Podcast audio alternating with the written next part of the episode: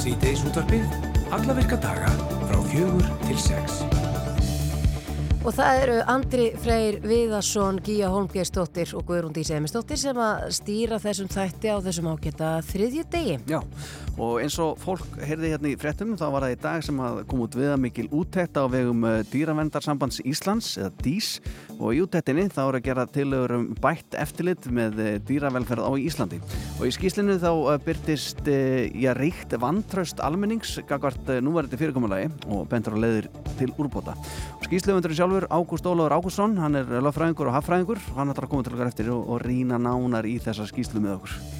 Og við ætlum hér strax að loknum fimm fréttum að fjalla um loðdýrarækt í þættinum og tala við Einari Einarsson, hann er formaður búkurina til þetta loðdýra og spyrja nút í, í stöðuna í greinni hér á landi. En uh, loðdýra eldi hér og við annar staða, sérstaklega í Evrópu, hefur átt undir höggað uh, sækja undanfærið. Já. Marja Sigrún Hilmarsdóttir og Arnhild, Arnhildur Haldanadóttir, uh, frettamenn, það er komað til okkur eftir og ætla að segja okkur frá kveikstætti kvöldsins sem að þessu sinni er tvískiptur. Annars vegar þá ætlar Arnhildur að fjalla um rafbílavæðingu hér á landi og hins vegar þá ræðir Marja Sigrún við ungan mann Otto Bjarka sem á fallaða fóreldra. Og það verða herjarna tónleikar næstkomandi sunnudagi bæabíu í Hafnafyrir til styrtar allsami samtökunum á Íslandi og við ætlum að heyra í Kristján Inga Gunnarsinni sem hefur verið að skipilega tónleikana og fá hann til að segja okkur bara frá tengslum sínum við allsami samtökin og auðvitað frá tónleikunum sjálfum. Nú, hvað heldur ykkur ná?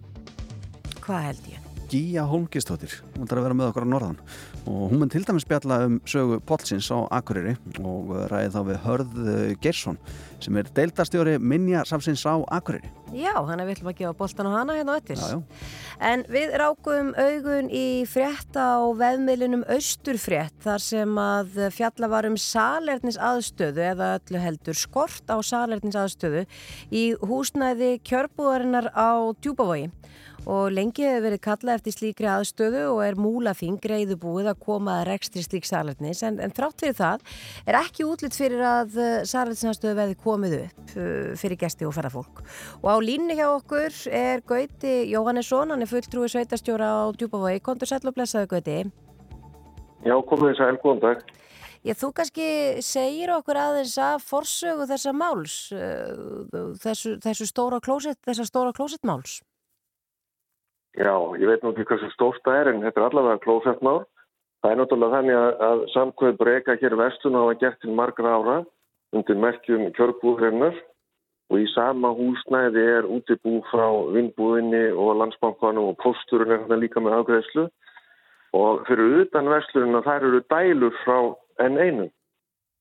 Og viðfóngsefni sem við standum frammi fyrir núna og höfum gert í mörg mörg ár, það er að utan opnatíma verslunarinnar þá er engar leiðbenningar að fá innan hús um það hvar næsta salerni er til staðar. Við erum með salerni átt í bói og ég hef það fyrir sagt að, að starfsfólki í verslunin það vísar fólki þanga þegar það er opið.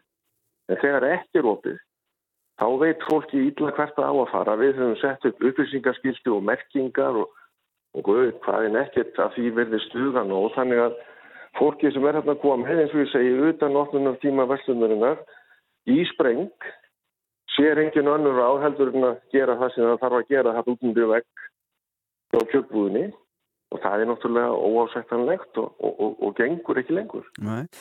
Þetta hlýtar að vera svolítið löstur fyrir bæinn þar sem að fólk já, finnur kannski ekki saletnið og þá þá annarkorta að gera numur eitt eða tvö fyrir næsta vegg eða drífa sér reynilega í burtu því vantarlega vilji halda í fólki og ég hef nú sjálfur lendið að reyna að finna þetta klósett og það gekk ekkert svakalega vel þrátt fyrir leiðbynningar sko.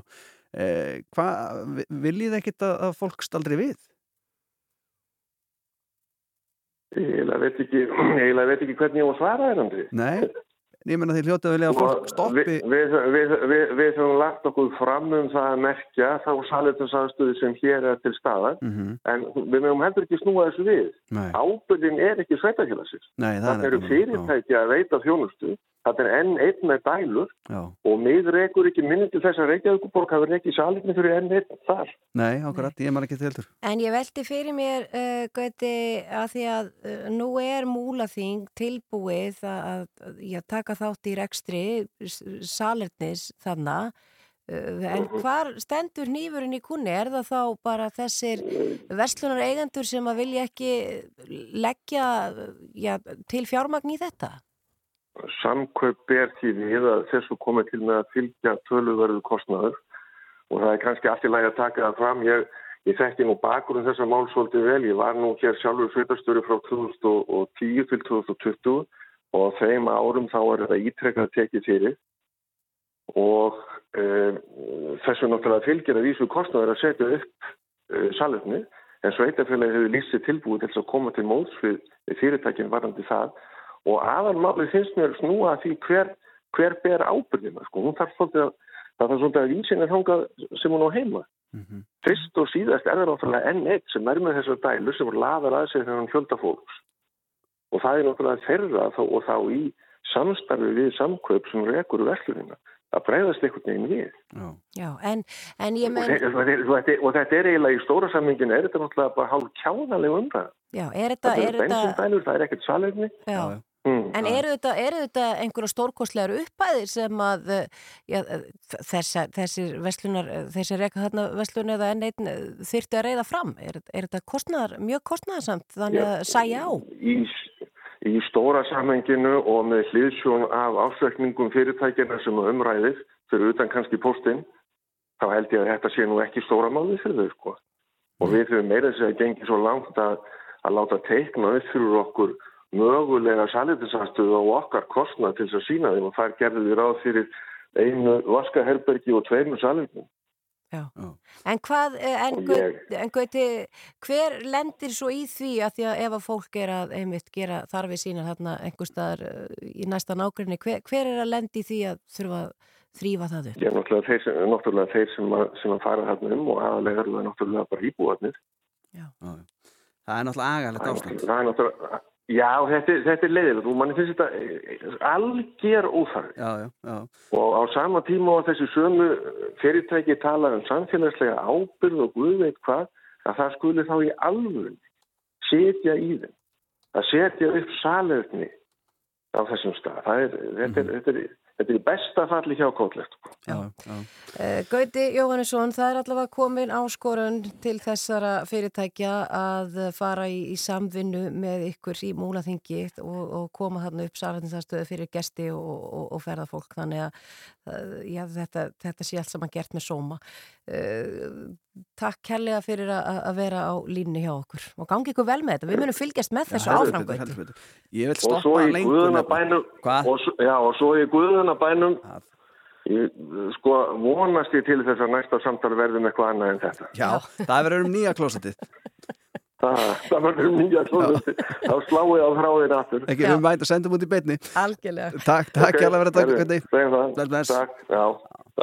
Ég lendi í þessu aukuna, já, ángríns og hérna, ég ætla hann ekki að æsa mig við hann gauta vel á okkar, sko. En, Nei, þetta gauti er allur að vilja gera og, og múla þing líka, þeir vilja þetta. Er hann það, auðvitað er hann það, já, en já. þú veist hvernig er að vera með krakka í bíl sem er spreng.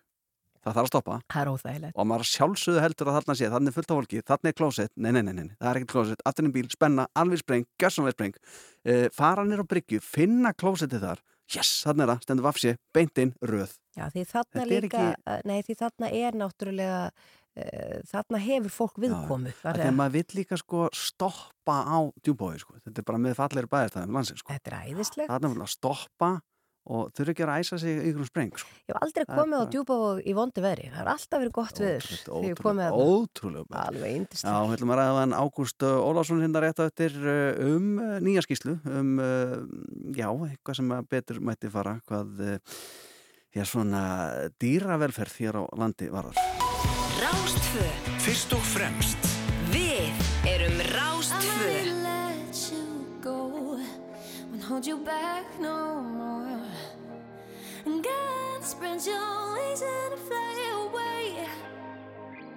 And carrying you way too long Like an obsession.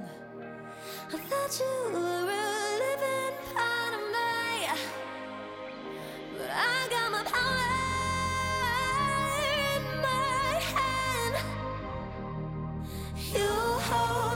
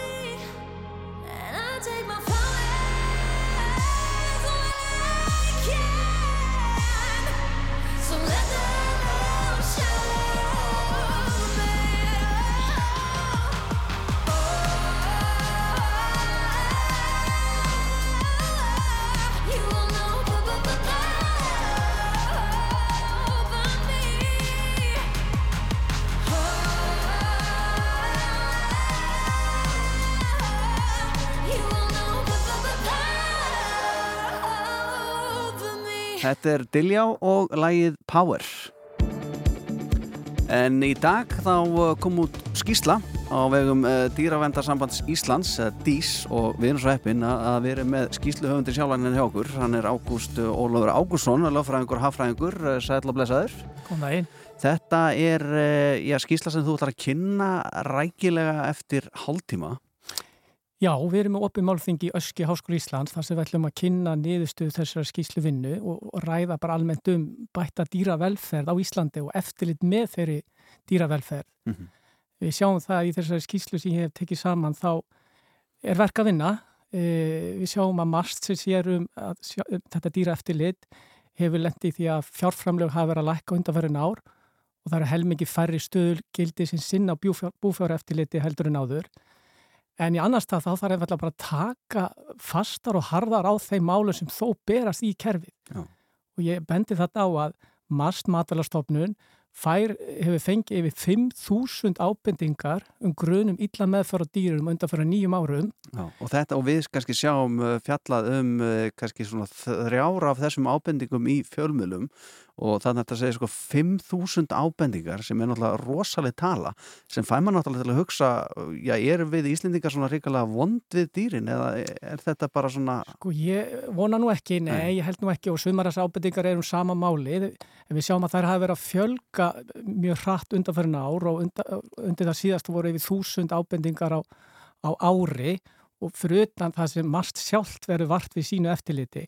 E, engar síður sjá að einugis um rúmlega 200 mál á 7 ára tífambili enda hjá marst í einhvers konar sektarmeðferð eða í vörslusýftingu eða í kæru til lauruglu. En það er mjög umhugsanuvert að við sjáum nánast enga dóma sem lúta af dýravelferð. Það er ágefni að málins falli niður hjá, hjá lauruglu á kjærvaldinu. Við þurfum bara einfallega brettur ermar og gera hér einfallega, einfallega betra og meira. E, við bendum á í þessari skýslu að það er ymsa leiðir. Við leggjum hér til að ég legg til að málefni dýravelferð að verða einfallega tekin frá mast sem glýmið við mikið vantraust á hálfu almennings.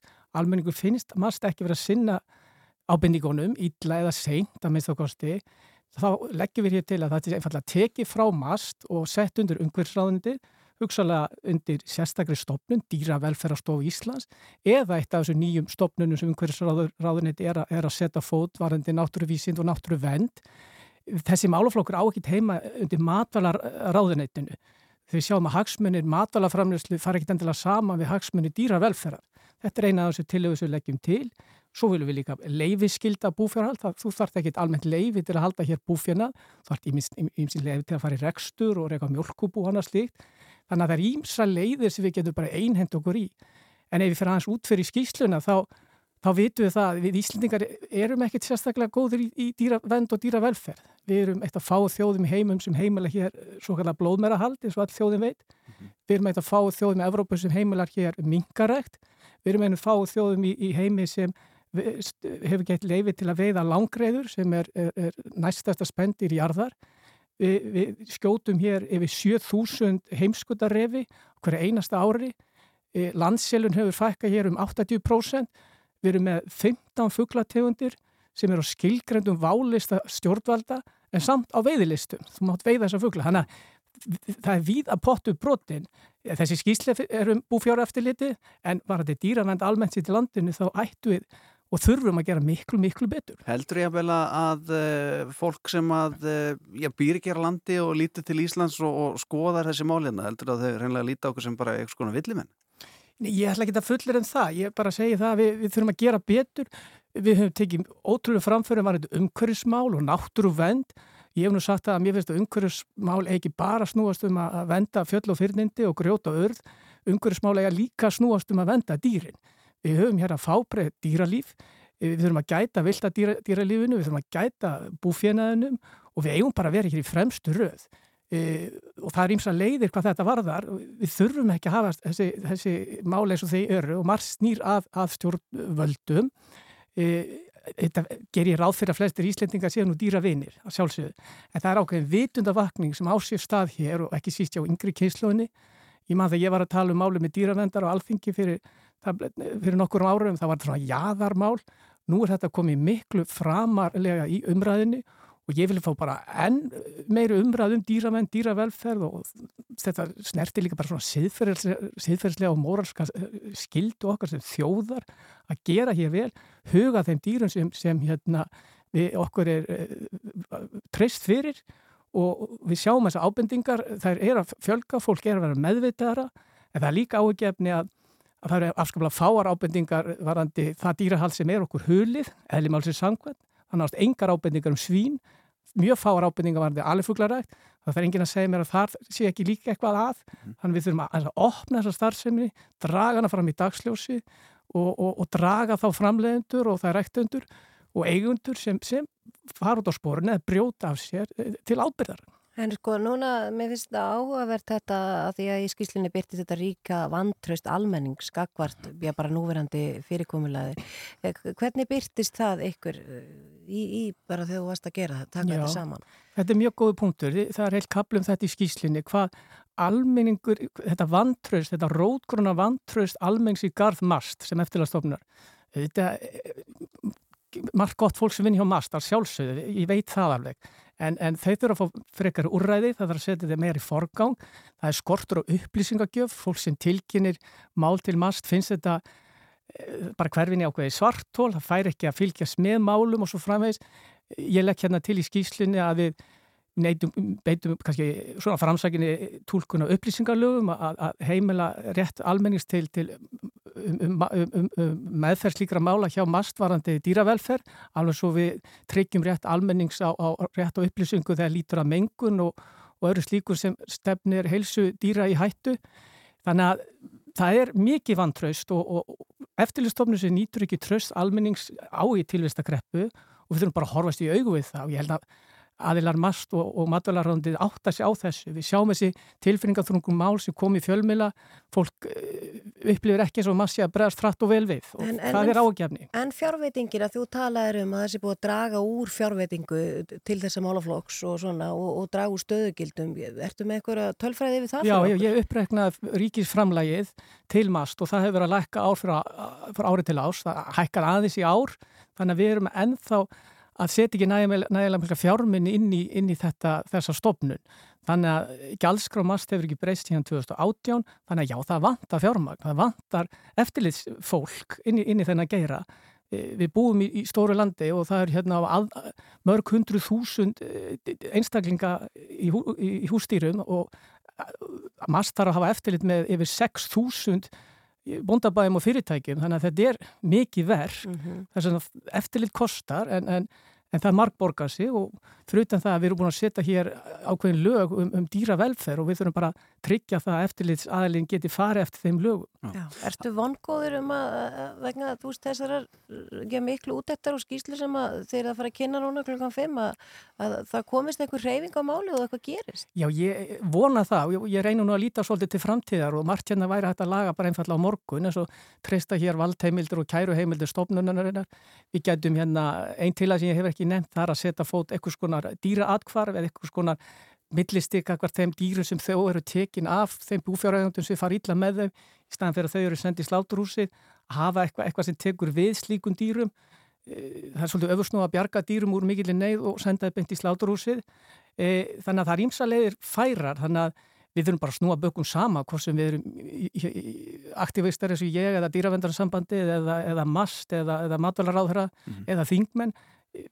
Hagsmunni hérna er fyrir sameigilegir og við þurfum að standa vörðum þessa máleysingja og, og, og þetta er bara, stranda bara á vilja og kannski aðtikli þess að við þurfum að tala oftar um dýravend, tala oftar um dýravelferð og draga þetta svona meir í dagsljósi eins og við erum að gera hér í dag. Ágúst Ólaður Ágústsson, löffræðingur og hafræðingur, þú ætlar að kynna skýsluna rækilega og eh, getur hver sem er fylgst með því hérna eftir og Já, hvað er þá? Þetta er bara opið málþeng í Öski Háskóli Íslands og þar setur matvarar á þeirra og fulltróðmast og ég kynni skýsluna og og síðan fulltrú frá, frá því stýravendarsamband Íslands sem hefur, er að skepa glæsileg og öflug nýju fólki í stjórn þannig að það er heilmikið svona uppgangur í, í, í þessum, þessum gera þannig að það er spennandi tíma fyrir alla sem láta þessi mál sig varða. Takk hjá það. Sýteisvarpi. Hæfileg blanda. Frá fjögur til sex á Rástfjörn.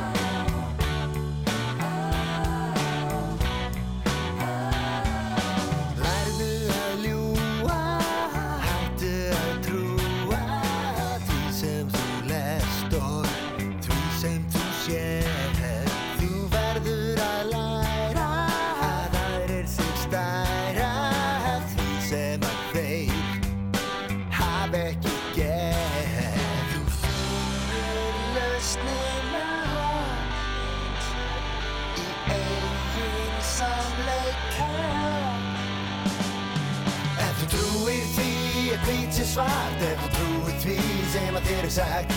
Ef þú trúir því að þú vitir allt en þá veist ekki neitt. Ef þú trúir því að heit sé kallt Ef þú trúir því sem að þér er sagt.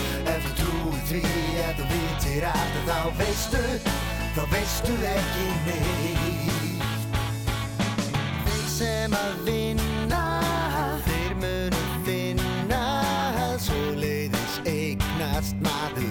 alls ekki neitt. Hinnir sem smjúa Svíkja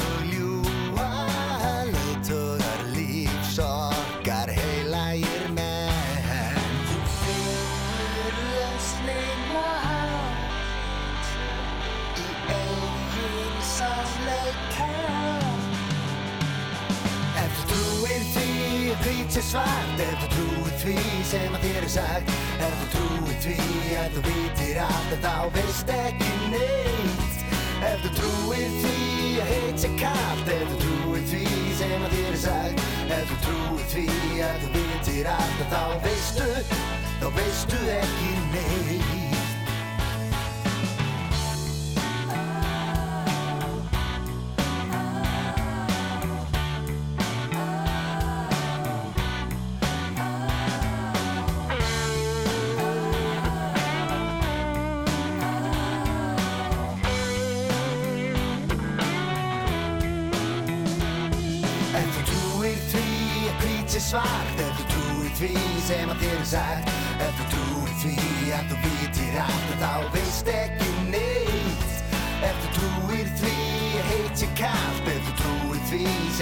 sagt Ef þú trúir því að þú vitir allt þá veist ekki neitt. Ef þú trúir því að hvít sé svart. Ef þú trúir því sem að þér er sagt. Ef þú trúir því að þú vitir allt þá veist ekki neitt. Ef þú trúir því að heit sé kallt Ef þú trúir því sem að þér er sagt. Ef þú trúir því að þú vitir allt þá veistu Þá veist að þú veist ekki neitt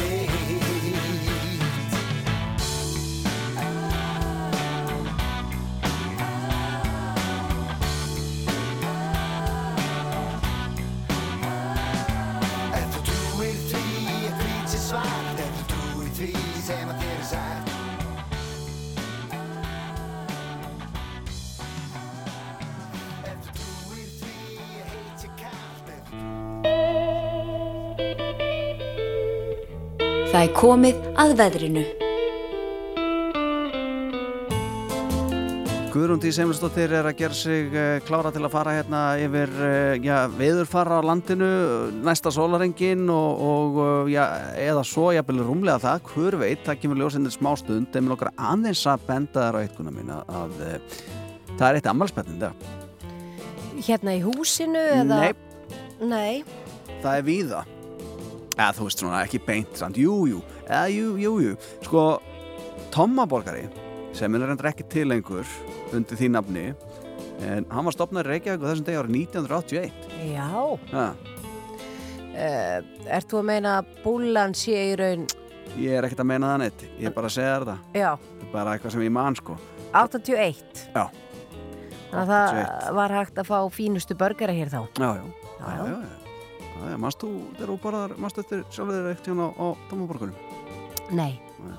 Ég, það var nú ekkit, allt, var nú ekkit alltaf í bænum, nei, nei, en þegar maður komingað, þá ég man ekki eftir að fara á tómborgara. Uh, ég man það nefnilega, þegar þú veist, ég man allt skilur, Hvar var hann? þetta ég fór, ég með minnir hann að verið eitthvað hjá Lækjatorki eitthvað starf þar í kring sko. Já, og þá fekk ég svona þá fór frænka mig, með mér, vilja frænka náttúrulega verðum að fá okkur tóma borgara sko.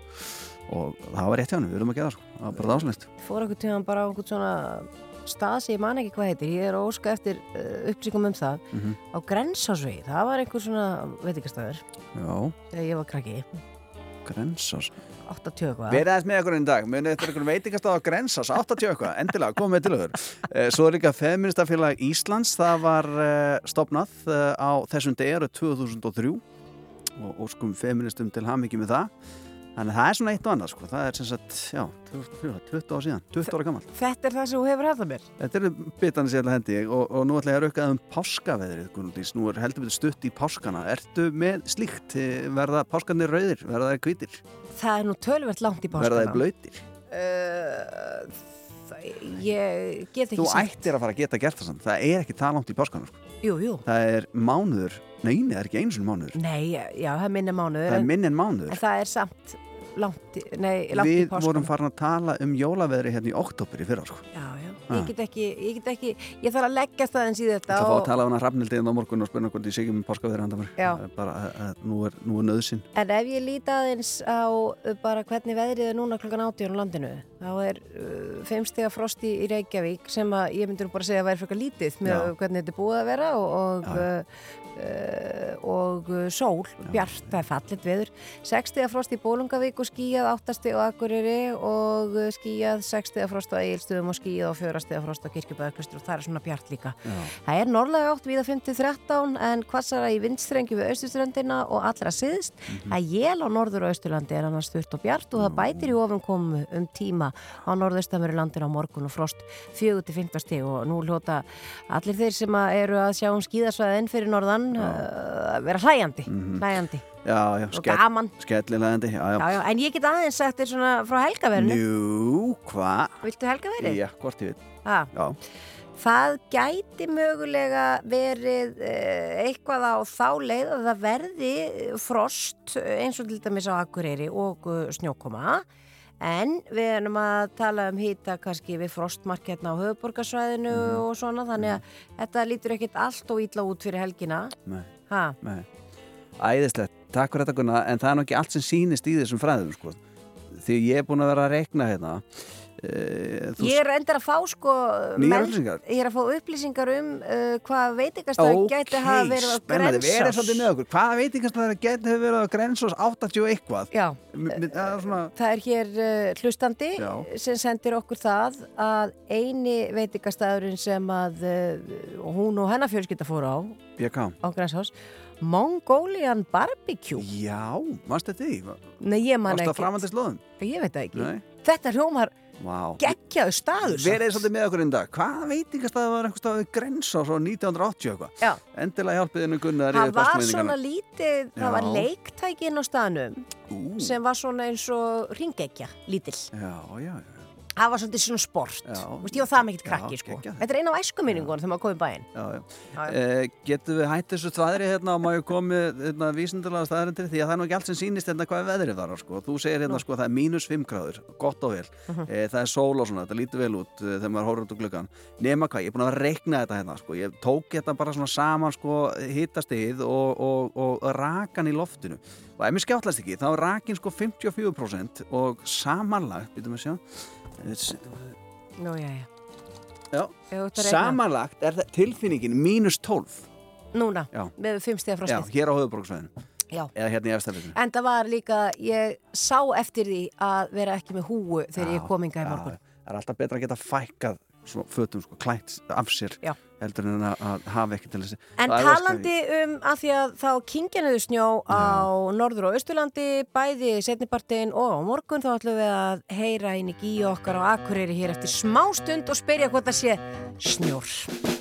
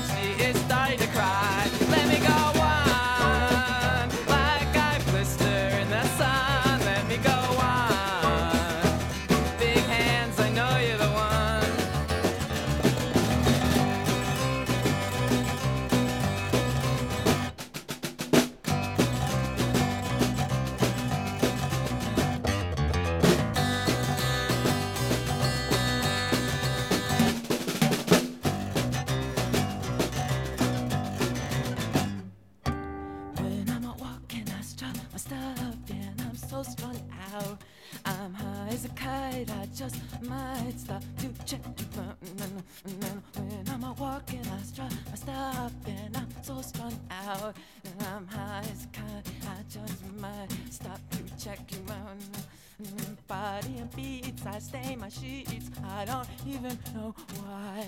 My girlfriend, she's at the end. She is starting to cry when I'm walking. Stop, stop, and I'm so strung out.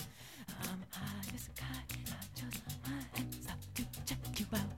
Let me go on like I blister in the sun. Let me go on.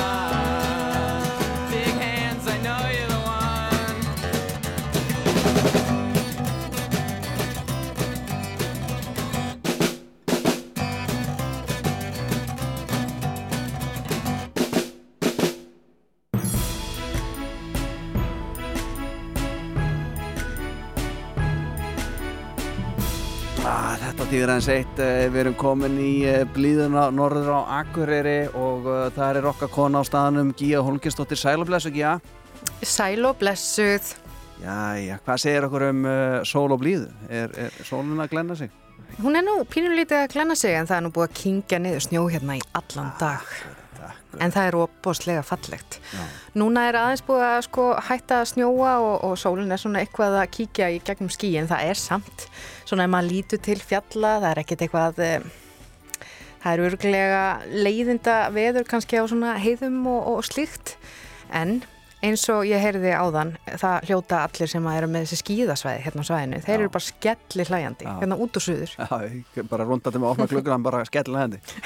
og ég veitir bara hlátur hérna út um allt. Og golvarn er hann hundfúli nýbúin að pakka Já. settum allir í skúr. Æjæjæjæj, það er ástand með þér.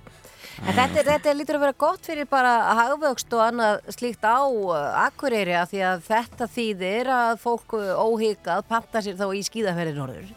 Já, akkurat. Ég meina þetta bara, svona viljum við bara hafa veturinn. Ég er allavega á því. Þetta er bara skemmtilegt og gaman að geta komist á skíði og allt þetta. Við skulum ekki taka með í reikningin þar sem að þarf að borga fyrir að að móka allan hennar snjó. Það er svo önnur ella. Já. En ég meina. Þetta er svona. En svona. eh, Gía, þú ætlaðir að, að eh, varst svona eitthvað að kýtla okkur hérna í morgun og varst að eh, svona að tala um pollin. Já, pollurinn. Vitið þið hvar pollurinn er nákvæmlega? Já, já. Ok, Mhm. mm. pollurinn. Hann leið, pollur leiðist við það, ég get nálega sagt það. Er hann ekki, ég ætla að gíska, er hann ekki hérna þegar maður kemur, sko, eh, þegar maður er að keira þarna yfir, sko, uh, ok, uh, þetta er Mhm. sem sagt þegar maður er er að keira sjónum, ef maður er ekki að keira sjónum, maður er að keira þarna yfir, á hægri hönd, það er svona sjoppa, Já, leirunesti. leirunesti, frábær sjoppa, og þar er pollur. Já, Er, já. er það einmitt. rétt svar? Já, þú veist, já, já, já. Við skulum bara segja, þetta er bara rétt svar. Þetta er, pollurinn er hérna svona innst í eigafyrðinum, hafsvæðið hérna alveg við sko Akureyri, þetta er svona hafnasvæðið og, og hérna, hérna innaf og alveg þangað til sko þarna hjá sjoppunni og flugvellinum og, og þetta er allt saman, hérna, pollurinn og leirurnar taka sig hann við. En sem sagt, pollurinn hér á Akureyri er búin að vera svolítið í umræðinni e, fyrir norðan og hefur líka rattað svolítið í fréttinnar af því að hann er núna ísilagður og það er búið að vera svo mikið fróst. Hann er ísilagður svona að hluta sem að gerist ekkit sérstaklega oft en vandamáli núna er að fólk hefur verið að ganga út á ísin og lögureglan hefur bara sérstaklega varað við því að, að, að fólk sé að gera það. Ísin er mjög ótraustur og, og það er bara stór hættulegt að fara þarna út um, en einu sinni þá var pollurinn miklu oftar ísi lagður og þá með svona þykkum traustum ís. Og þá í gamla dag, eins og var svona oft í gamla dag, þá var al- bara algjör partistemming þarna út af pollinum og, og það var stundum hægt að fara alveg yfir á hinbakkan, yfir í vaðalaheðina og ég sem sagt ætla að hafa smá svona sögustund fyrir ykkur í dag. Ég er nefnilega fann í morgun mann sem að eh, heitir Hörður, Hörður Geirsson, hann er leildastjóri á Minjasamninu Akureyri, hann er svona maður sem að veit allt. Hann ætlar að segja okkur til dæmis frá gömlum ljósmyndum sem er á safninu sem að sína fólk þarna í partístöði og þau voru að fara á alls konar faratækjum hann út á ísinu ég veit ekki hvað og hvað. En ég byrjaði semst að spyrja hann af hverju, sko, hvernig þetta hafi verið þarna í den og af hverju aðstæðunar á pollinum hafa breyst svona gegnum árin. Af hverju er ekki lengur hægt að vera bara þarna uh, bara í þvílíku stöði að skauta út á polli. Við skulum heyra hvað hann sagði. Já, Póllun Akureyri, hann lagði einlega hverju ári og, og varð miklu þykkar ísin heldur en við höfum séð núna mjög lengi. Og uh, það uh, er ímsa ástæði til þess en, en sko það virðist vera að breytingin verði mest í kringum það þegar flugvöldurinn kemur 1953-4 því að þá hættir ferskvatnið að koma vestast í pollin uh, ströymurinn inn að vestan og út á austan í eifirði og þannig að blöndurinn við ferskavatnið og, sjó, og sjóin varð öðruvísi og, en það lagði samt pollin alveg eftir það en ekki kannski eins oft eða, eða kannski hafa líka bara verið breyttar aðstæður. En um, það var venja manna að fara út á vetuna og veiða á ísnum. Fátaklingarnir þar sama hvaði voru hérna, svona horaðir eða illa stadir þeir gáttu fóra og sagt sér fersk, ferskmann og menn sko það mókaðist fiskur upp hann það var gríðarlega mikil fiskgengt virðist þeirra undir ísnum. Það er til, ljósmyndar af því þess að mennir er að eftir smástund komni með heilu haugana af allskæns fisk, fiski. Og svo stunduð menn mikið skauta og skautalöp og ís og ekki eitthvað aðeins en, en ísin var alveg renni sléttur þannig að það var að vera á svona laungum skautum eins og hollendingar eru á og síkjónum sínum. Og, og menn keftu í, í skautalöpi og uh, og síðan voru menn aðeins að fara þarna bílum eitthvað út svona jeppum og ég vil eða til við flott mynd af leigubilstjóreinu sem að fór með leigubili sín út á miðjan poll og þurfti að láta taka mynda sér í, með kirkjuna í baksín og en það hefur nú sem betur fyrir ekki verið gert oft og, og hérna og langt síðan að það var örugt að gera slíkt. Já, þeir myndur nú bara hurra niður núna. Já, það er engin, engin möguleik að gera þetta lengur og um, ég veit ekki hvort að viðfarslegar aðstæður uh, valda því uh, einverðungu eða þessi breyting á og svo er leiruvegurinn reyndar kemur aftur í 1985-6 eitthvað svo leiðis að þá fer ferskvatnið enn austar inn í podlinn þannig að það er, það er þetta er orðið mjög sjaldgeft að við sjáum svona uh, podlinn leggja allan alveg yfir í heiði eins og til dæmis sérstáli ósmyndum frá Artur Gúk trúbóða sem að uh, kemur hér upp úr 1905 og, og þá er hann að, og hans fólk að leika sér á reyðhjólum alveg yfir í vaðlaheiði og fór á sleðum ein, einnig þangað Uh, og uh, það þannig að þetta er mjög ólíkt því sem er í dag Já. Þannig að svona til þess að einfalda þetta alveg svakalega að þá hafa verið bara umhverjus aðstæði breyst eftir að flugöllurum var byggður eftir því sem að eins og drottningabrautin var lögð og, og, og svo voru brýr byggðar þannig yfir og hlutfall ferskvats og saltvats breytust eitthvað neina Já, sko, það talaðum sko þungisjórin sem er neðst niður í hann er, það er lög í sjónum sem sagt að að það er kaldi sjóri sem er niðri og hann er saltastur og svo er miðurlag og svo er ofan á því kemur fersk vatnið það er léttara heldur en þungi sjórin eða salti sjórin og, og þess vegna leitur hann frekar upp á yfirborðið. Og, og svo er þetta spurningin um líka bara kulda sko að það, hvort að það sé nóg langur tími sem að haldi stöðugur kaldur uh, vetur og að hver eins og við uh, höfum við lengst að verið vön hér að uh, það sé ekki þessar umhleipingar svona eins og við kvöldum reykjauku veður það sem, að, það sem að fer svo oft yfir núlstíð sko fram og tilbaka og þar með myndast ekki svona þessi þykki ís sem áður var en það gerðist sko að, atbyrðir hér uh, á þar síðustu öld uh, eftir að gránifélagshúsin eru flutt frá Seðusverði, Vestasverði að þá gerir alveg óalega stífa sunnanátt eins og gerir ofta á, á hlýjundum og vorin. Og nema hvaða að, að lagísin á potlinum fyrir að skrýða upp á strandgutuna og upp á alla otterina og menn sáu fram á það að, að sagt, húsin myndu bara klippast í sundur. Þetta var svo mikið afl uh, í þessum ís og það var ekkert að það stoppa neitt. Þannig að það var einhver bungi, þetta var nú vestlunum hús og þannig var mikið að timburstöllum þannig fyrir utan, þannig að menn lögðu timbrið eins og, eins og hallin á þakkinu er á, á þakki og niður á götu. Og ísin hann gekk semst upp að þakbrún, upp þessa planka. Þannig að ísin á potlinum og bara potlinum sjálfur, það eru margar sögur þarna uh, til þess að rífi upp og við þetta erum að ræða við þig hérna hörður út af því að, út af þessum tilkynningum sem að lögreglun hefur verið að fá og það er alls ekki ráðlagt að, að ganga út á ísin eins og hann er núna. Nei og það vandamáli við það ef menn sunga nú niður þannig að það er langt út í er að það er svo nánast enga bjargir þú getur ekki sendt menn út á að bjarga og menn eru örglega farnir úr ofkælingu þegar, þegar þetta er að brjótast á bát eða einhverju slíku aðmönnum sko, einhverju fljótandi. Þannig að þetta er stór hættulegt stór hættulegar aðstæður. En það líka sko vegna þess hvernig eigafjörður er, er djúpur og langur og, og nær alveg på hálendið að þá koma náttúrulega þessi ofbóslega kalda uh, hálendis loft sem dettur, það er þingra heldur en annar loftið þannig på hálendinu og það dettur niður skurðin hérna og kemur niður að, að, að flugulli eða hérna að podlinum og þar verður stundum fyrirbyrði sem ekki oft sést á Íslandi sem kallar ístóka að þá er frostið svo mikið að miða við að sko podlurinn sé auður að þá er svona þoka bara neðist á í kyrfiðri sko.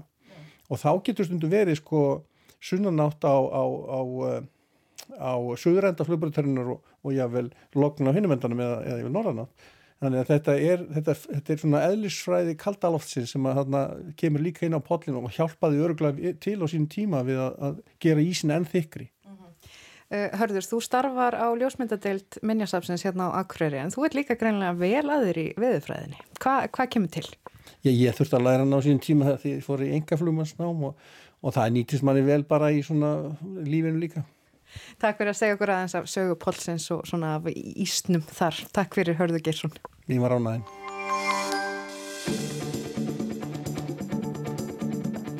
Herra og hvað haldið þér? Hlustundur svöruðu kallinu. Það er konar einu nokkrar ábendingar hérna um það á hvað stað Gunna var að borða á 80 eitthvað í kringum grensásveg.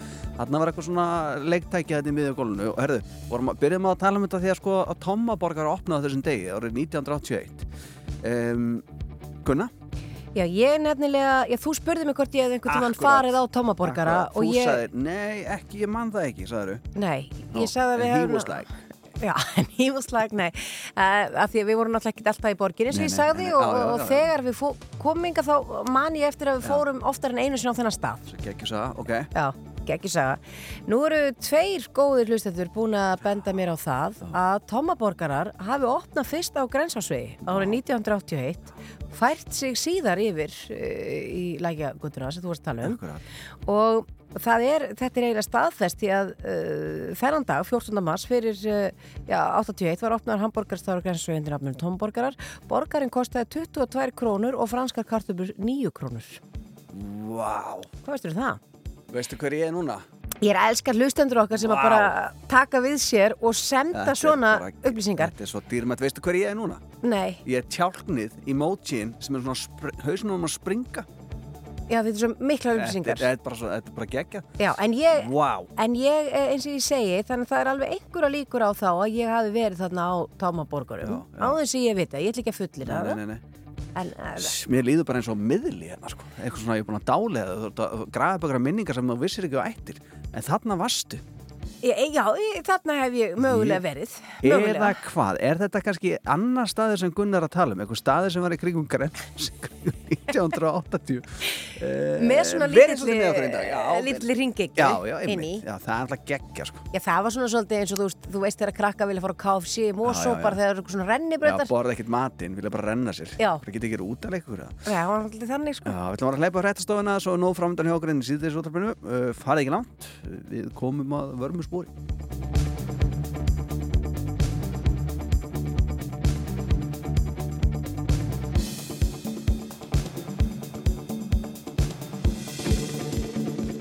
Þú ert að hlusta á síðdeis útvarpið á Rástvö.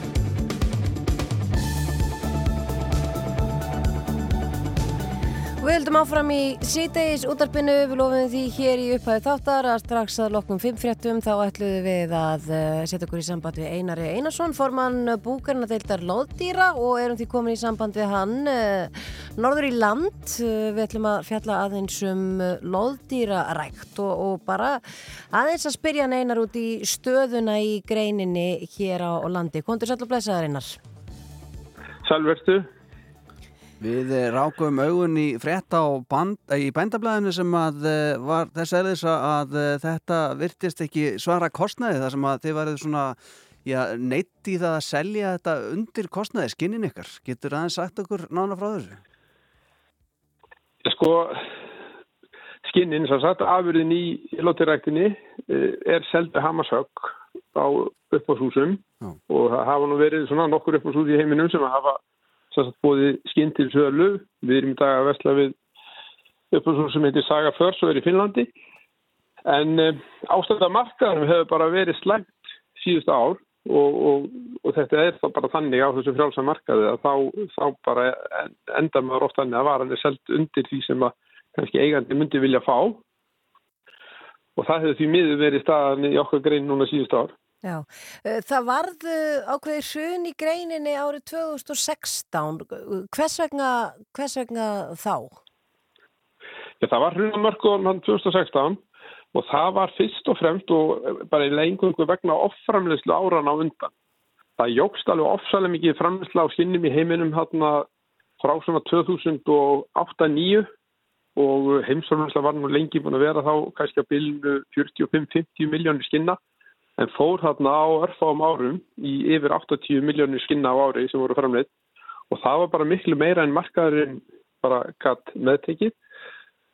Og hérna 2016 að þá, þá bara í rauninni var á frambóð og markaðsverðir hundi og uh, svo vorum við að glíma við það árið þar og eftir og þá sildum við beint inn í COVID tímabil hérna upp úr 2020 þannig að það er svona hvert vandamáli tekið við að öðru á síðkasti. Já, en eins og til dæmis bara, já maður eh, svona frá dýravenduna sjónamöðum og öllu þessu þá veldi maður fyrir sér, er eftirspurn ennþá eftir, eh, ég bara skinnum?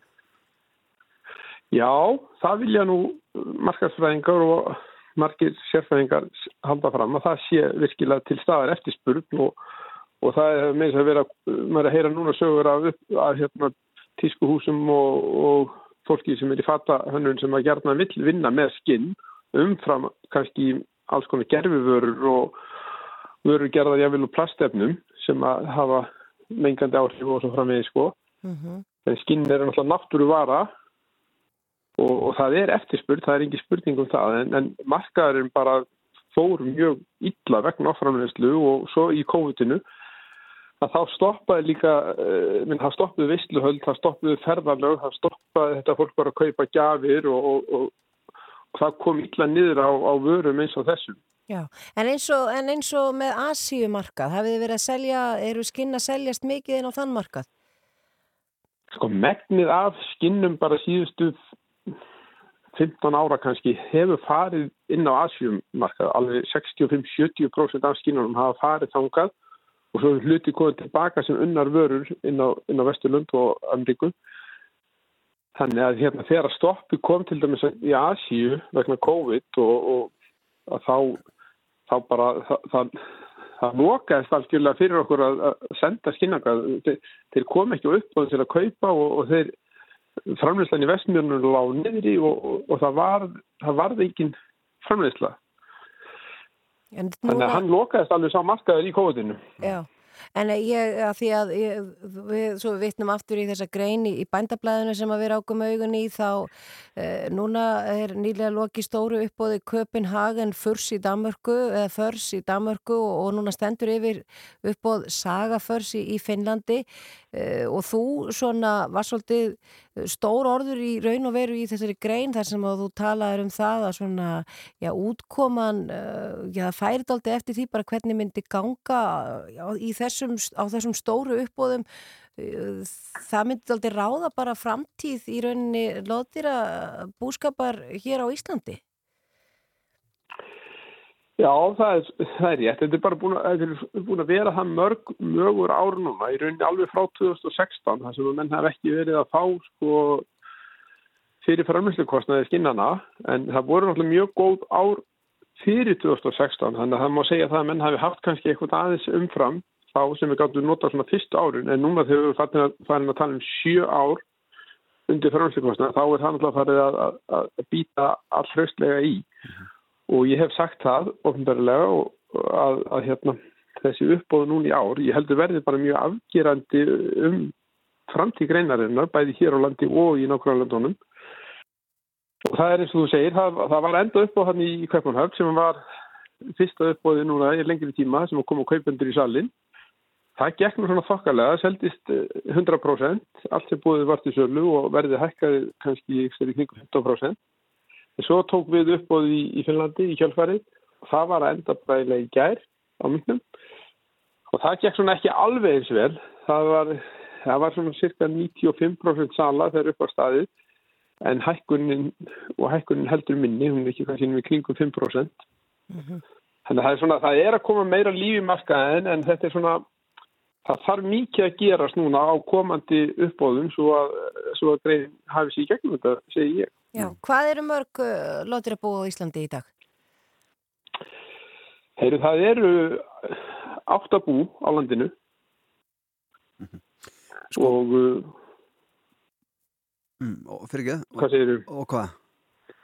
Nei, það eru áttabú á landinu og þau eru sem sagt bara öll með mink, sko, það er, það er all langt sín að refa framistan læðist á og en það er áttabú starfandi í dag. Já. Hvað, svona skinn, uh, það er svona liggur nú beinast við að þetta sé notað í uh, flíkur, en er, eru skinn notuð í eitthvað annað? Þeir fara náttúrulega mest í, í, í klæðnað sem er þá ímist bara kápur úr skinnum en svo er hefur verið mjög vinsalt núna um allanga tíma að, að, að blanda skinnum saman við önnur efni, hvort sem það er leður eða textíl eða jafnvel öll og, og nota þetta þá í bryttingar eða í kraga eða allt mögulegt. Það er, það er alveg með ólíkjum sko hvað fatahönnur geta fundið upp á sniðum samsetningum og miklu fjölbreytileika þegar því það er farið. Og hérna og, og, og menn hafa gert allt mögulegt náttúrulega annað, ég menna ég hef sér ljósakrónur skinnum og, og hérna og alls konar förðulega hluti sko, skrautmunni og ímislegt, en það er ímislegt gert sko, en þetta fyrir meiri, megin megin magnið fer í, í klæðnað. Eina kannski bara svona rétt í lokin og ég er nú kannski koma aftan að þeirra með þessari spurningu af því að ég var nú ekkert búin að kannski undirbúa þig fyrir hana en uh, uh, þegar að COVID skellur á var það ekki í Damörku þar sem öllum minkum var lóað eða hvernig er staðan í greinin til dæmis þar, veistu það? Já, já, ég veit það alveg sko. Heyrðu, það var, þess, það kom upp COVID í minkabúinu þar og það endaði með því að það var allt skórið niður. Svo fengur fyrstu banninu við, við að halda mink, það var sett bann við að halda dýrum og, og því var aflétt núna síðustu áramót. Þannig að það eru nokkur bú komin að staða aftur, ég held að séu fimm aðeinar með þrjú bú sem eru komin í gang og þannig að það er ekki nefnir stórum skala. En um, allir þeir sem að skáru niður að að kröfu ríkisins að þeir eru núna sagt, í þessu bótaferðli akkvært ríkinu og, og það hefur gengið svona tekið mjög langa tíma og verið þungt í vinslu en um, það er ákveðin hópur hérna í Danmörku sem vil bara byrja aftur og koma greinni aftur á fullt sving í Danmörku. En ég held kannski að það gerist ekki að fullu þunga fyrir en það kemur svona meiri business í bransan á heimsvísu og til þess har markasverðið á heimsvísu að komast yfir framlýslukostna svo að, svo að hérna, þetta komist á fullt sving sko. Mm -hmm. Einari Einarsson, formaður búgræna til þetta lótýra, takk fyrir að já, bara upplýsa okkur aðeins um stöðuna í lótýraræktinu og í þessari grein bara hér á landi sem og, sem og í nákvæmna löndunum og við fylgjast áfram með þessu. Takk fyrir að vera á línni okkur í síðan Takk sem við leiðis. Þetta er blöss.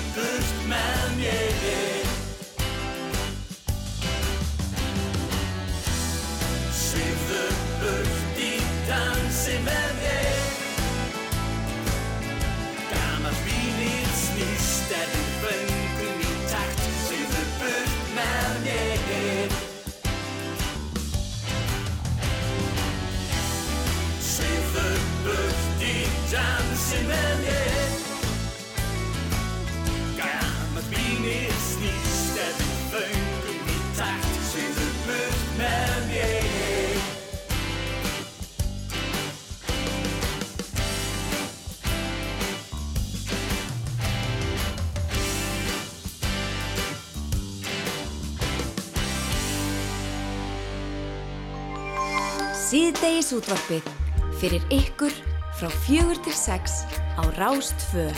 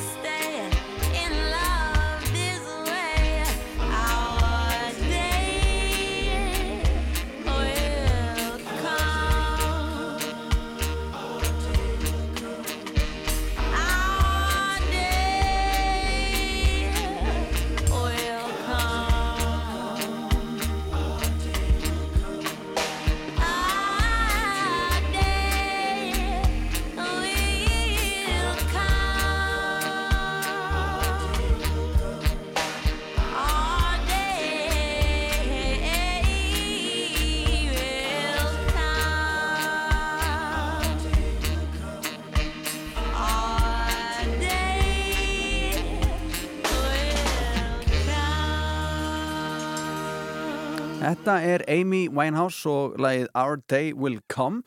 En við skulum vind okkur í, í næsta spjall þar sem við erum að trubla mann á vakt. Við erum að trubla mann á vakt, hann heiti Kristján Ingi Gunnarsson og hann er akkurat núna, þegar ég talaði við hann áðan var hann nefnilega lafmóður uh, og ég hugsaði með mér að það er ekki gott að vera að trubla kannski manni í þessari stöðu en hann er akkurat núna vallar kynnir og þegar ég heyrði honum áðan þá sem sagt, var ég að trubla hann þannig að tónlistin dó Já. og hann var að hlaupa hann að redda því að hann var að tala við mig líka Já, hann er á línunu núna, sætla blessaður. Hæ, hæ. Er leik lokið? Uh, nei, það eru 63 mínútur búnar, þetta er lengjubikarin hérna, breyðabliki við vaff. Já, já. Hver er staðan? Um, það er 2-0 fyrir breyðablik. Já, já, þannig að þú tvisasunum að minnstakvæmt er búin að þurfa að rífa í, í hljóðnefn. Já, já, svo er þetta, það er búið að vera eitthvað framkvæmdir hérna í gangi og svona í stúkunni hérna hjá blikunum og, og hérna, þetta var ekkit, þetta var ekkit tengt, sko, ég hljóma eins og ég væri bara, ég veit ekki, þetta er á tunglinu eða eitthvað þegar ég var að kynna hérna einn fyrsta marki, sko. Já, já, þarftur að segja líka stundum, verið krakkar, þetta er vinnusvæði, ekki? Nei, ekki af þá, það er, það er svolítið kallt, þannig að það er ekkit eitthvað svo mikið áhrundum, en það er, það er þó eitthvað, sko. Já, kem, kemur það í þinn hlut að segja og svo eru hambúrgarar til sölu hérna í sjoppunni Bara ég, ég nefndi sérstaklega á hann sko tilbúð á, á heitu kakó og súkulaði stikkjum sko, þannig að þú veist, þetta er bara, bara hvað er í bóði sko. Þetta er geggjað með tvílíksta. Hei, það er bannað að reykja í stúkunni. En lendi þessum. Það er bara að veipa í stúkunni meira núna já, sko. já, auðvitað, Já, já, auðvitað, það er meira svoleiðis En, En, ég er venjulega ekkit vallaþulu sko, ég er bara stelpunar í meðstaflokki ringdi mig á hann og ég sagði að sjálfsögðu mæti ég og skal taka mig vallaþulun. Já. Ég veit ekki, tenir íföruglega eða eitthvað sko. já, já, já, já, hann er, hann er að vinna í stýrivaksta hækkunum út á tenni en, en það er þannig, eh, Kristján Ingi, að mér heyrist svolítið þú vera maður sem segir bara já við öllu og núna eh, ert þú einhvern veginn búin að taka það að þér svo ég upplýsi kannski hlustendur að þessum það af hverju við erum að tala við þig Eh, ekki bara því út vallaþulur og frábæri því og jákvæður heldur, ertu búin að taka að þér að skipulegja tónleika til styrtar uh, Alzheimer samtökunum? Passar. Já, og það eru rísa tónleikar núna næstkomandi sundag í Bæjabíó í Hafnafriði og Já.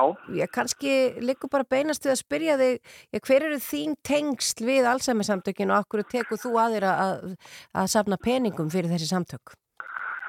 Um, sko ég er bara, sagt, faði minn, um, hann, hérna, hann var með Alzheimer og það er nú bara tæpt tvö ár, hérna, síðan hann fórblæsaði kallin úr þessum sjúkdóma, sko. Að það er nú ennþá þannig, þó að sé, voru nú nýlega fréttir af, af öflugum livjum og svo, og svo framvegis, að þá er það nú samt þannig að, hérna, að niðurstaðan er nú oftast þú sama fyrir það sem að greinast með með hennan erfiða sjúkdóm, en hann er hins vegar alveg ótrúlega skemmtilegur og, og, og fallegur líka þó að það sé svona kannski fólk skilji það ekki alveg. Og meðal annars með, með svona músík að hérna fólk með heilabilun og, og, og, og svona þeirra aðstandandi þekkja það að tónlist og, hérna þeir sem að þjósta heilabilun þau geta bara maður eiginlega getur sagt að þau svona getur tekið svolítið spórið saman sko að jafnvel þeir sem eru, eru hérna uh, þjást af bara til dæmis miklu málstóli eða einhverju slíku að, að hérna, það er svolítið búin að týna orðanum sínum en leðu og setur bara gott lag á sko með listamanni sem að sem að einstakleikur þekkir að þá bara fyrir fólk að syngja með lægir bara eins og það er aldrei gert annað sko, það er kannski ekki búið að vera tjásin eitt mikið í einhver tíma en, en hérna músík og heilabilun er alveg bara ótrúlega magna fyrirbæri sko. Það var, eh, einmitt, eh, var ekki gerð heimildamönda fyrir einhverjum árum síðan sem að fjallað um sambærið efni, að Live Inside, sástu hana? Nei. Það var svona allsami sjúklingar sem voru að hlusta á músík og, og, og bara döttu í þvílingan fíling og, og þekktu þetta alveg inn og út og byrjuði bara að dilla sig með, sko. Þannig að það er eitthvað Já, einmitt. Já. Já, það er eitthvað og þess vegna eiginlega svona kemur, sko, ég eiginlega svona fór að vinna með allsemmið samtökunum svona fljótlega eftir að fæði minn blessaði fór og, og hérna og svona tók kannski tíman sem að, sem að fór í það að vera með honum í það að reyna kannski að leggja mitt að mörgum fyrir samtökin og, og stopnaði nú reynda fyrirtæki fyrir uh, rúmu ári síðan og svona er að svona aðstofa alls konar uh, fyrirtæki bara í því að reyna að koma sér svona eins og framfæri og er í svona hugmyndafinnum með þetta bara hvað getur við gert til þess að búa til skemmtilegan viðbur þar sem að fólk getur ég mögulega styrst eitthvað eins og alþjóðsamtökin en um leið mætt og, og hérna og átt frábæra stund saman og þessir tónleikar á sunnundaskvöldi í bæjafögu klukkan nýju, nei klukkan sjö fyrir ekki þeir eru bara þeir eru bara akkurat það. Því ég fór með þauðu minn til dæmis á jólatónleika og ég vissi ekkert alveg hvort hann myndi bara, bara standa upp og byrja að dansa eða, eða syngja með öllum lögunum eða þú veist hvað svo sem er sko. Þannig að hérna, maður var stundu svona aðeins stressaður en síðan hætti maður því bara. En þessi tónleikar eru náttúrulega bara fyrir alla því að við erum öll alls konar en, en líka svona aðeins hugsaði fyrir þá sem að kannski eiga aðstæðandi sem eru með heilabiljuna að hérna, geta bara mætt þarna og, og það er ekkert stress. Þú veist, fólk er alveg meðvitað um það að í salnum eru einstaklingar sem eru með heilabiljuna og þó einhver byrja að syngja með og, og hérna, eða dansa eða eitthvað, þá er það bara allt í lægi og bara fallegt sko. Já, þá er það bara mjög kærkomið. Já, það er bara mjög kærkomið og, og, hérna, og segi, þetta er náttúrulega bara frábæri listamenn líka sem eru að koma fram, þú veist, þetta er Eithur Ingi og Margrét Deyr og Júli Heiðar og svo alltaf Guðrún Árni að enda þetta með svona því sem hún gerir best að, að hérna, spila á sitt píano og, og fá fólk bara til að syngja með og, og hann er að, þú veist, það er hérna, það er bara skemmtilegt og svo allar ykkar maður Felix Bergson að sjá um að, sjá um að kynna allar svið. Þannig að hérna, já, já, þannig að þetta er bara, þetta er bara fyrst og síðast er þetta bara hugsað sem bara ótrúlega svona falleg kvöldstund þar sem að fólk færi líka tækifæri náttúrulega til þess að leggja sitt að mörgum til samtakana sem hjálpuðu okkur rosalega mikið. Og eru náttúrulega bara búin að hérna, eflast alveg þýlitt á síðustu árum, fóru í svona nýjar höfustöðar, held ég, uh, þöks í oppfél og reglunni að miklu leiti í Sátti Jósefsbytalan í Hafnæðinni og eru þar svolítið svona, ég veit ekki hvað maður að segja, svolítið búin að taka á sig hérna, þetta svona að sinna þeim aðilum sem að uh, eru, hvað maður að segja, bæði, það er alls konar hóparanninni, bæði svona kallað frumkvölahópur, það sem að upplugir bæði einstaklingar sem eru með heilabilun og, og þeirra aðstendendur eru að hérna leggja sitt að mörgum sko, þannig að hérna því að fólk veit ofta ekkert kannski hvernig það á að snúa sér og þess vegna eru svona samtökun eins og allsælu samtökun alveg ómetalega sko. Já. Já. Þannig að það eru tónleikar á sundarskvöldi, það er bæjabi og hafnaverði og uh, þetta er eins og áður að til styrtar uh, Alzheimer's samtökum á Íslandi. Já. Og, Já, og allir auðvitað velkomnir en, en, hérna, en, en, en aðal markmiðið er að samtökin sem eru hérna mikið til rekin bara í sjálfbóðastarfi og, og svona eru ekki svona hvað maður að segja svona fysiskt, ég held ég sé ekki að bulla með það á, á hérna ríkins fjárlögum, ég hóði að við mögulega fengið einhverja styrki en, en hérna þannig að það er svona hugsunin að hjálpa samtökunum líka.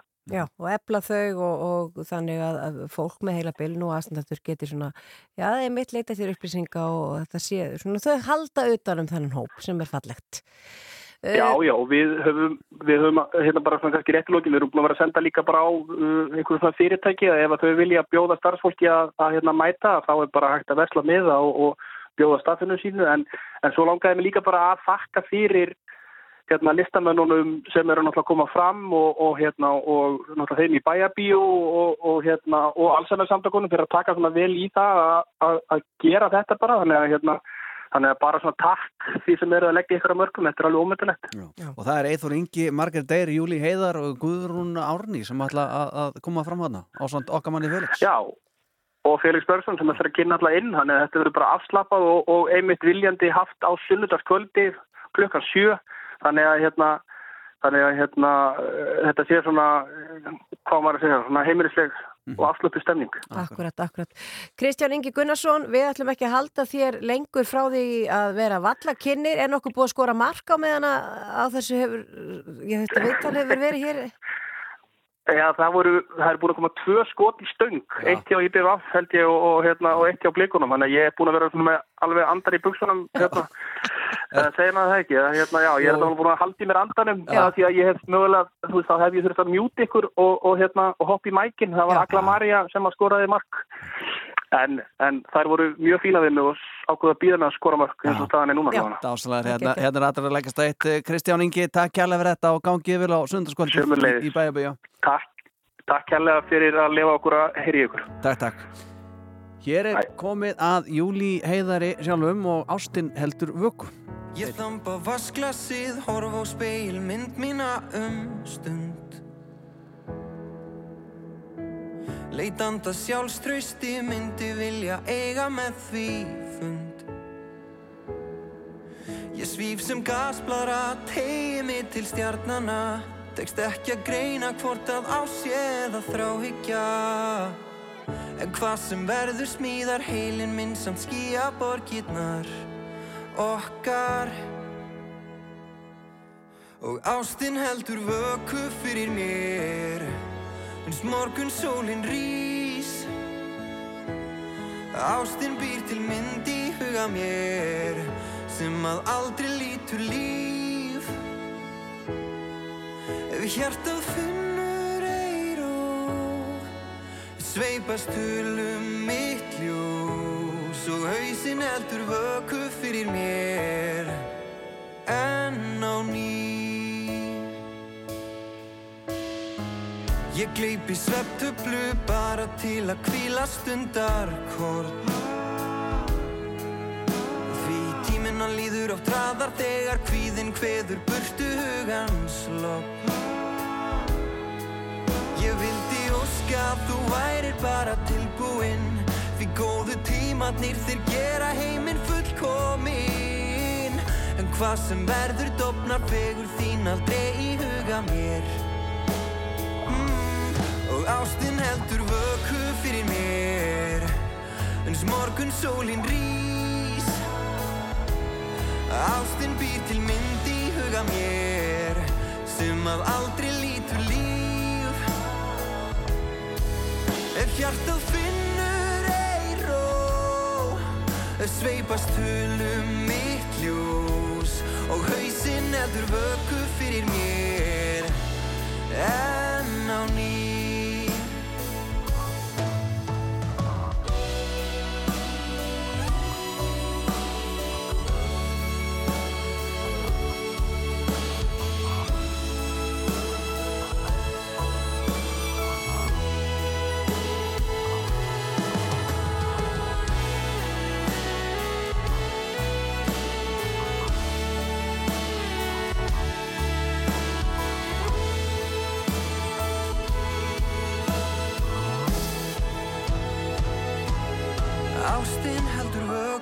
fyrir mér Eins morgun sólin rís.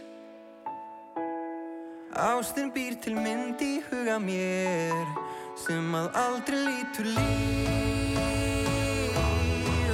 Ef hjartað finnur eiró Sveipast hulum mitt ljós. Og hausinn heldur vöku fyrir mér Já, hausinn heldur vöku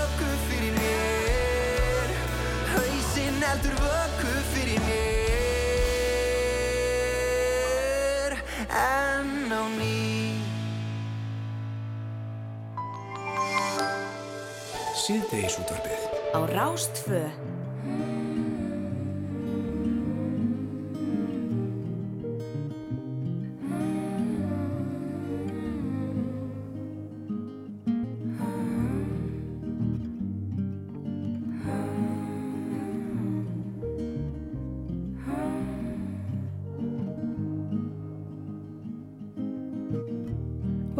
down the streets I walked a year ago. The orange got the gray house and the corner store. I wish I would have done it in a different way. Without always hoping for another day. Waking up is getting harder than it did before. Dishes from yesterday and all my clothes are on the floor. But I'm starting to miss you more with every time. I see you somewhere else, so no, it's fine. The rain made a river in the field. Just killing snails with a stick and points them at me. Running through the field.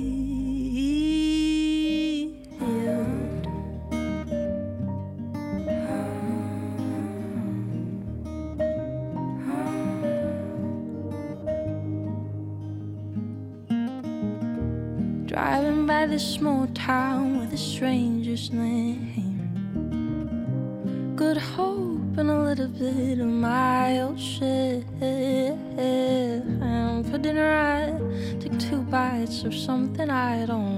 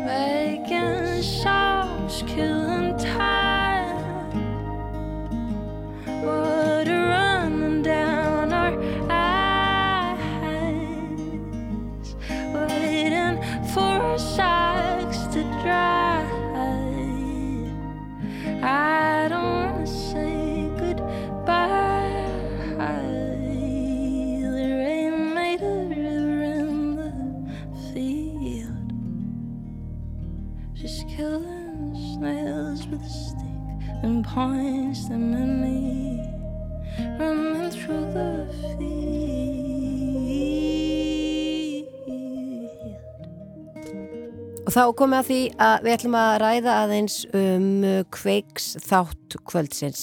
Og eins og yðurlega þegar að kveikur er á dagskrá hér í sjómarpinu annarkvöld þriðudag þá fáum við til okkar um sjónamenn þáttarins til þess að svona aðeins fara yfir það sem á að fjalla um.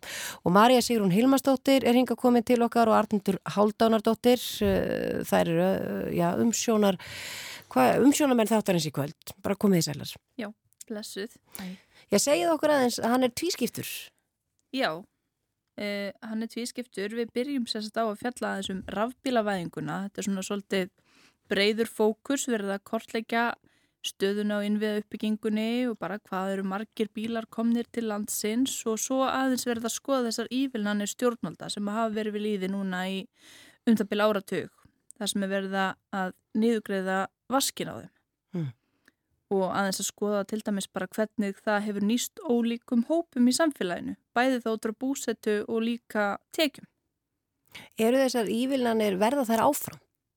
Það er góð spurning, því það er ríkir ákveðin óvissa um það. Núna vitum við allavega að ívilnanir vegna rafbíla kaupa, sérst kaupa hreinum rafbílum, það eru verða út þetta ár og það er eitthvað verið að vinna það í fjármálaráðunetinu hvernig þetta verður svo áfram en svo vilja þau þetta fara að fá inn tekjur af þessum bílum. Og það er verið að móta núna framtíðar uh, hvernig það verður til framtíðar með tekjustofnin af, af bílinum, hvort það verður kílómetragjald eða veikgjald eða hvað, þá verður rafbílin held ég ekkert undanskilin en já, það er svolítið upp í lofti núna hvort að þessar ívillanir verða eitthvað áfram og þá hvort það verða í sömu mynd eða einhverju breytri mynd Þú var svo almenlega að koma með eh, brot úr þætti kvöldsins eh, til okkar.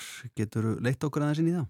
Já, það er svona þessi tekjuvingil, það sem við erum að skoða hvernig uh, ívilnaninnar hafa dreifst á tekjuhópa, tekjutíundir eins og maður talar um svona skattamáli uh, og þetta er svona viðbröð uh, viðmælanda við því að þetta er mjög ójöfn skipting, til dæmis bara ef við skoðum sko fjölskyldunar sem að telja saman fram til skatts þá er þetta 30% ívilnana hvers árs sem að hafa farið til ríkustu tíundarinnar og menna þau sem að hafa minnst á milli handana hafa fengið 3%.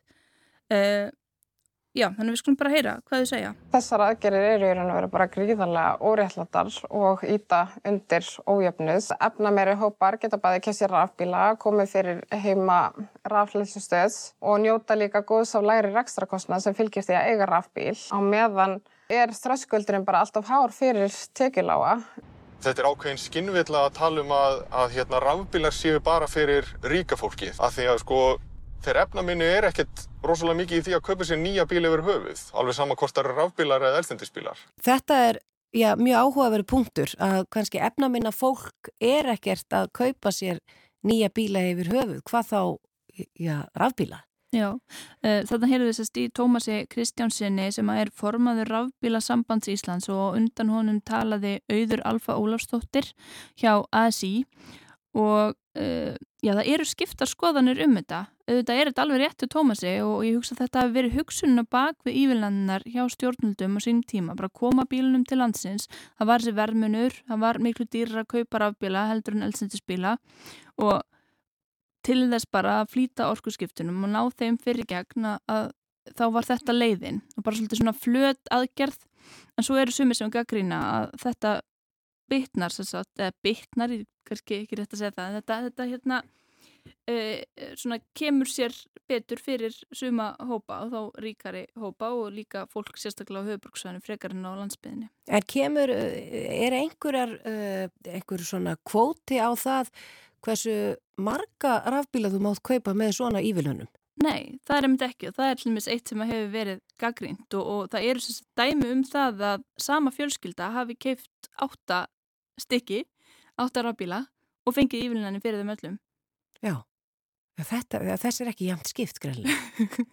Nei, ekki, ekki þegar þú ert komið með kannski átta bílar. Sko. Já, og farið eitthvað... En, en það eru átta bílar á göttunar, enga síður og svo koma þeir vantalega öndurslumarkað. Já, akkurat. Þannig að þetta er svona ólík sjónamið sem tóast á. Já, heldur betur. Þetta verður mjög forðnilt að sjá þetta. En svo er Marja líka hérna, sælblössuð og uh, velkvinn og, og þú ert hætt að segja okkur fréttir á heila tímunum? Nei. Nei, já, já, ég er að að Er ég... bara, bara aukatjópið það? Eh, Nei. Nei.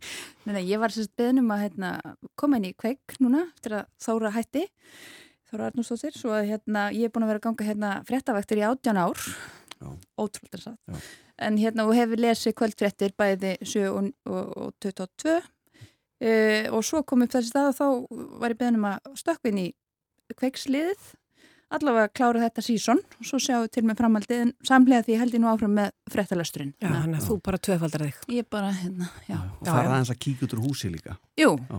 já, það er svolítið gaman núna að fá tækifæri til að vinna sérst, lengri einslög, þar að segja þegar maður er á fréttavakt þá erum alltaf að vinna ennan dagsins og þú ert kannski með fjög fimm mál og þarf að passa deadline sem er innan dagsins, Mhm. innan vaktarinnar en þetta er svona hérna, skemmtilegt að fá að prófa hitt smá tíma Akkurat. Og Svona- hvað ætlað þú að bjóða okkur upp á í kvöld? Já, einslæði sem ég er með í kvöld það er sko, það fjallar bara um ást og umhyggju, kærleik og tröst og það er engin statistik í, í mínu einslæði, mjög ólík einslæði, þetta er mjög ólík Mhm. einslæðin en Arnhildar.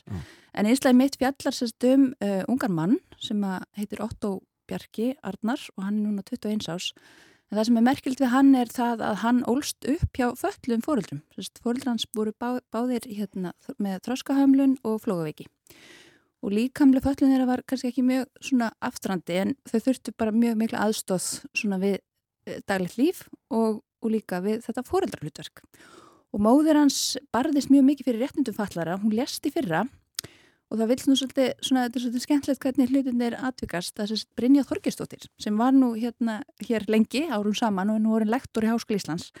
Hún hérna um, heimsótti um, foreldra Otto Spjarka og Otto sjálfan árið 2006. Þá er Otto fjögur ára, leikskólabarn og hún sem sagt hérna svo uh, þegar hún vissi að ég verið komin í kveik þá hún mér á þetta, hún hefði haft svona bak við eirað, það væri nú gaman að sjá að því nú er hann 21 árs. Bara hvernig hann reitt af, hver er hann stattur í dag? Og mamma slest hann í fyrra og hún hafði séð minningagrinn um hanna í, hérna, í morgunblæðinu og þar var meðal hans minningagrinn eftir Óttubjarka sjálfan. Svo ég hérna stökk bara á þetta, hafði upp á honum, fann hann og þá er hann sérst á fyrsta ári í Háskóla Íslands í viðskiptafræði býr tímabundið heima hjá pappa sínum það, og hann er að safnast fyrir íbúð og við fáum sérst að, að flettum í rauninni saman þetta gamla innslag þar sem fóreldarnir eru að það er verið að tala við þau um þessa sérstöku stöðu sem þau eru í og þá aðstöð sem þau fá og hvernig þau gengið. Og þau eru þá svolítið mitt líka að velta fyrir sig framtíðinni hvort þau verið færi um að, að sinna honum og gefa honum allt sem að þarf þegar hann verður eldri og hans líf flóknar en líf leikskólabarsins og við skulum kannski byrja að heyra þenn smá klippu þarna úr þessu gamla viðtali frá árun 2006 og þarna er 8 og 4 ára og við skulum heyra þess hvað pappans segir þá. Öndir til klumpur og sjösið Gullklumpur. Góður strangur. Kraftur í honum. Gullverið bregur Það er allir Við. Erum það öll. Þetta er semst pappans Ottos Já. frá árunni 2006. Já, og, og, og hann er, sérst, þeir búa saman í dag og eru miklu mátar Uh, og svo er þess að móðirinn, hún var svo mikil barátt, hún var algjör múrbrjótur fyrir réttundu falla og barði sérstaklega fyrir réttundu fallasfólks til að eignast börn. Og hún bendir, bendi á uh, í greinarskrifum og helt erindi og, og þar bendir hún á það sérst, foreldra hæfni hafa ekkert mikið um það segja hversu, sko, hérna, sérst, það sem skiptir máli þegar kemur á foreldra hæfni það er þetta, börnunum skefum tími, þeim sem sínd ást og nánt og, og greindar, hún, hún segir í einni greini, greindar skerðingin eða greindar skorturinn segir ekkert til um fóröldrahæfnina, heldur miklu frekar þetta, hvort fóröldina séu til e, staðar fyrir barnin og hún, hún veit, sko, það er til margir alheilbriðir sem að myndu kannski ekki teljast mjög hæfir til fóröldrahlutverks. Mm -hmm. Það er oft svona, og, og í dag er ennþá, sko, þetta er náttúrulega, það voru gerðar, e, sem sagt, konur með þróskaskerðingar voru gerðar ófrjóðar með ófrjóðsumis aðgerðum og þær voru framkvæmdar hér á landi langt fram eftir tíund áratug síðustu aldar. Eftir það verður smá svona vitundavakning meðal annars eftir hennar baróttu mömmu Ottos og hún segir mér þess að frá því að það voru konur, sko seinfarar og fallar konur voru kannski gerðar ófrjóðar eða settar í ófrjóðsumis aðgerð á sama tíma og það var verið að gera eitthvað annað, bara botlungarskurður eða eitthvað. Þetta var átt gert á þeim forspurðum sama með þær eru neittar í fóstureyðingar.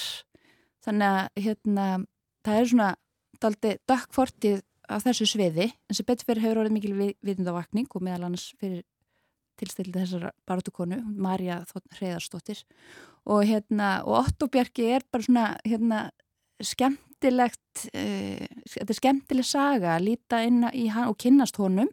Og við skulum kannski sjá aðeins hvað hann segir þegar ég spyr hann Ég spyr hann hérna hvað hann var gamall þegar hann átta sig á því að hann nætti fatlaða og seinfæri fóreldra.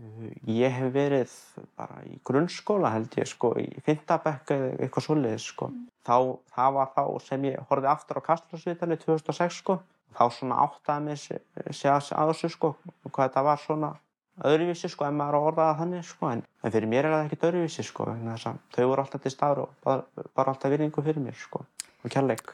Þetta er sjálfur Otto Bjarki, eina stjórnum kveiks uh, þáttanins í kvöld. Já, uh, og ég vona svolítið mikið að því að við gerum það svolítið viljandi að vera ekki að hlaða þetta einsla með hérna, eins og ég segi, tölfræði eða rannsóknum, en þetta, þessi umfjöllin, við vonum að hún veki svona aðtikli fólks á þessu og veki, verði kannski til þess að það verði aðeins litið inn í tölfræðina, hver við stöndi í dag, mm -hmm. er ennþá verið að gera eitthvað svona aðgerir á fólki sem er ekki hæft til að verða fóreldri eða, og hver metur fóreldrahæfni mm -hmm. og hvenar eru börn kannski, þú veist, það er dæmum að börn séu, sko, konur verði ófrískar og svo er hérna þau, þau kannski sett í fóstur, það fer auðvitað eftir aðstæðum hverju sinni, þetta er svona ég held að það sé gott að allir hérna, takir svolítið púlsun á þessu og sjáu hvað við stötti í dag og hvernig er þetta hér til dæmis samburðu við löndin í kringum okkur. Já, já það er kveikur í kvöld. Ást, tröst, umbyggja og bílar. Já, og, og rafbílafæðing og, og græn orka. Akkurat. Þetta er allt saman. Marja Sigrun Hilmarsdóttir og Arndur Haldanardóttir, takk hellega fyrir að koma til okkar og við hlökkum til að horfa.